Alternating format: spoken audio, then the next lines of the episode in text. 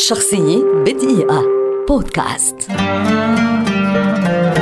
روبرت شومان. مؤلف موسيقي ألماني كبير ولد عام 1810 ويعده النقاد أحد أهم مؤلفي الموسيقى في الحركة الألمانية الرومانسية وقد ذاعت شهرته بفضل مؤلفاته الرائعة على البيانو.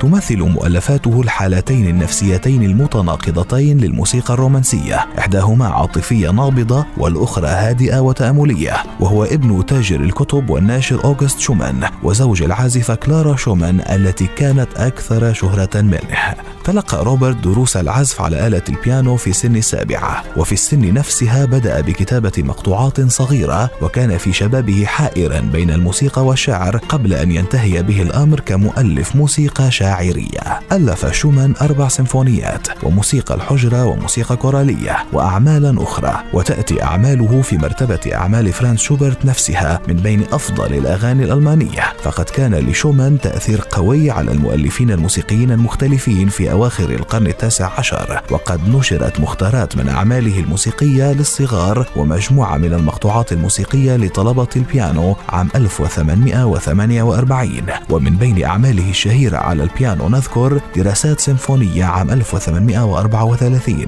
فانتازيا من السلم الموسيقي الكبير عام 1836 حفل موسيقي من السلم الموسيقي الصغير عام 1845 كما قام شومان أيضا بتأليف عدد من المقطوعات القصيرة. قصيرة كثير منها في شكل مجموعات وهذه المقطوعات تشمل الفراشات ما بين عامي 1829 و 1831 وكارنفال ما بين عامي 1834 و 1835 في إحدى الجولات الموسيقية في هولندا مع زوجته كلارا حقق الثنائي نجاحا جماهيريا كبيرا لكن روبرت بدأ يسمع أصواتا وموسيقى رهيبة في رأسه بعد تلك الليلة وصار يعاني اضطرابات عقلية حادة وقضى آخر عامين من حياته في مصحة كان أحيانا في حال جيدة وأحيانا أخرى يضيع في الأصوات والرعب. إلى أن وافته المنية عام 1856 عن عمر ناهز 46 عاما. شخصية بدقيقة.